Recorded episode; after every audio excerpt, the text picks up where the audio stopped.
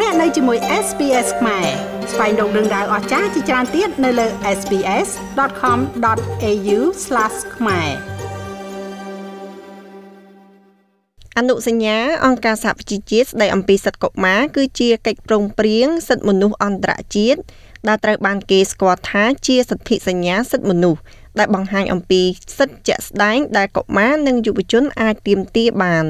ស្ទើរតែគ្រប់ប្រទេសទាំងអស់នៅក្នុងពិភពលោករួមទាំងប្រទេសអូស្ត្រាលីផងដែរបានបដិញ្ញាចិត្តចំពោះអនុសញ្ញានេះ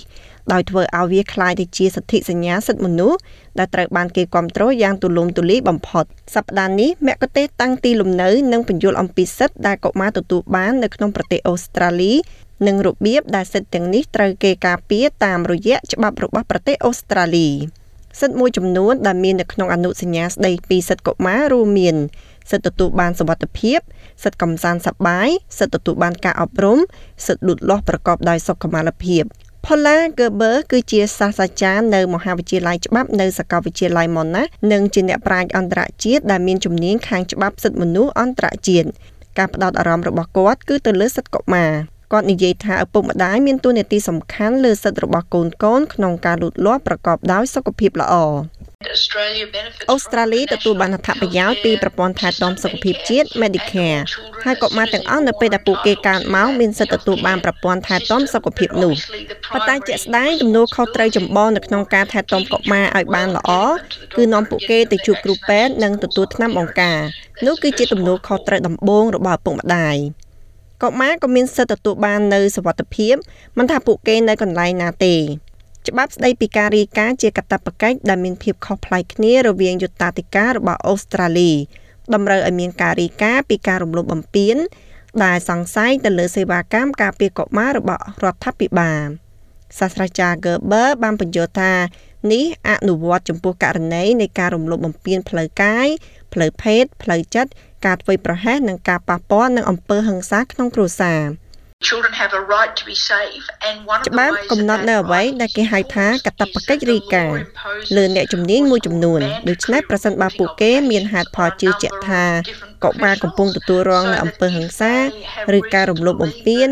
ឬសម្បីតែការធ្វើប្រហែសនោះពួកគេត្រូវរាយការណ៍រឿងនោះទៅកាន់សេវាកម្មការពារកុមារដែលស្ថិតនៅក្នុងនាយកដ្ឋានសេវាកម្មធនធានមនុស្សរបស់រដ្ឋាភិបាលប្រភេទមនុស្សដែលមានកាតព្វកិច្ចរាយការណ៍គឺវិជ្ជបណ្ឌិតកលិនបដ្ឋាយិកាគ្រូបង្រៀនប៉ូលីសអ្នកដែលធ្វើការនៅក្នុងស្ថាប័នសាសនាជាដើម។ សាស្ត្រាចារ្យ Gerber និយាយថាស្ថាប័នអប់រំនៅប្រទេសអូស្ត្រាលីគឺចាំបាច់សម្រាប់កុមារដែលមានអាយុចន្លោះពី6ឆ្នាំទៅ17ឆ្នាំឪពុកម្ដាយត្រូវប្រកាសថាពួកគេបានចូលរៀនហើយសាលារៀនត្រូវប្រកាសថាក្មេងៗនៅទីនោះដូច្នេះសាលាបឋមសិក្សាត្រូវពិនិត្យមើលការចូលសាសនាទទួលទូនាទី2ដងក្នុងមួយឆ្នាំហើយនៅវិទ្យាល័យត្រូវមានថ្នាក់គ្រប់និងគ្រប់មុខវិជ្ជា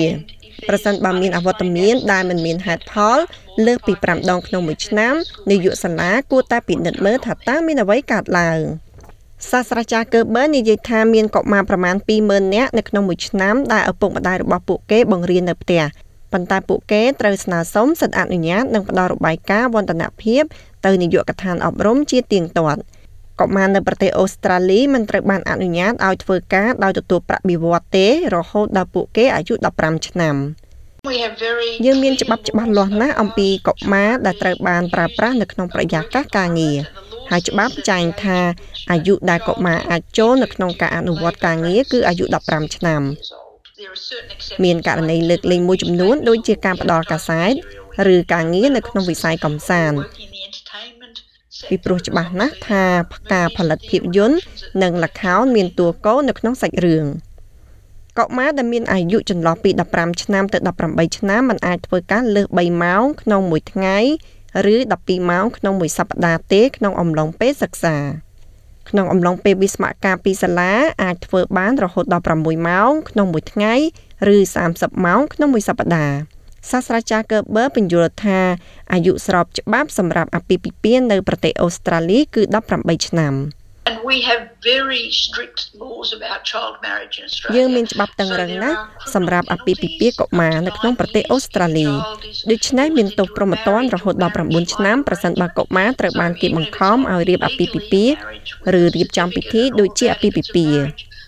នោះជាការជាប់ពន្ធនាគាររហូតដល់9ឆ្នាំ និងរហូតដល់25ឆ្នាំ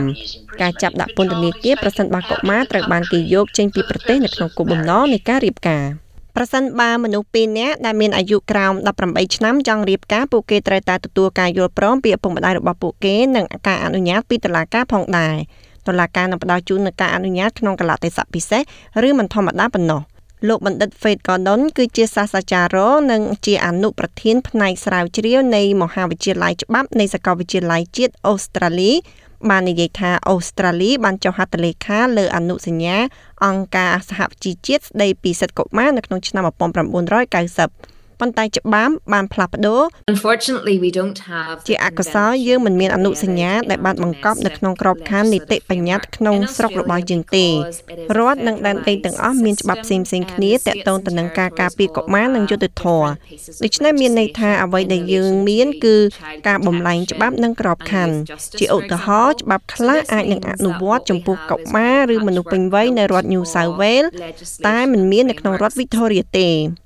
សាស្ត្រាចារ្យ Gerber និយាយថាប្រទេសអូស្ត្រាលីត្រូវការច្បាប់ដែលកំណត់យ៉ាងច្បាស់លាស់បន្ថែមទៀតអំពីសិទ្ធិដែលកុមារមាន និងការការពារដែលពួកគេមានសិទ្ធិទទួលបាន What often happens is that we have an international human rights យើងមានសិទ្ធិសន្ធិសញ្ញាសិទ្ធិមនុស្សអន្តរជាតិហើយបន្ទាប់មកអូស្ត្រាលីអនុម័តច្បាប់ដើម្បីឲ្យមានប្រសិទ្ធភាព មានអនុសញ្ញាស្ដីពីការលុបបំបាត់ការរើសអើងជាតិសាសន៍ហើយអូស្ត្រាលីបានអនុម័តច្បាប់រើសអើងពូជសាសន៍មានអនុសញ្ញាស្ដីពីការលុបបំបាត់ការរើសអើងប្រឆាំងនឹងស្ត្រី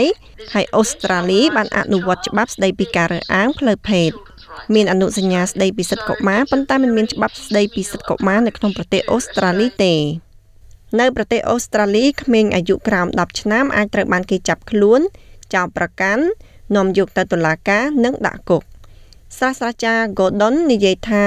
អាយុអ ுக ្រិតកម្មអបបរមាមានកម្រិតទាបនៅប្រទេសអូស្ត្រាលីបើប្រៀបធៀបទៅនឹងប្រទេសដទៃទៀត the most up to date ការស្រាវជ្រាវចុងក្រោយបំផុតបង្ហាញថាកុមារ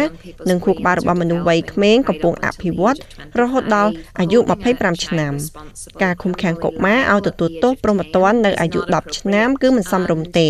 ហើយអង្គការសហប្រជាជាតិបានអំពាវនាវអូស្ត្រាលីឲ្យបង្កើនអាយុយ៉ាងតិច14ឆ្នាំ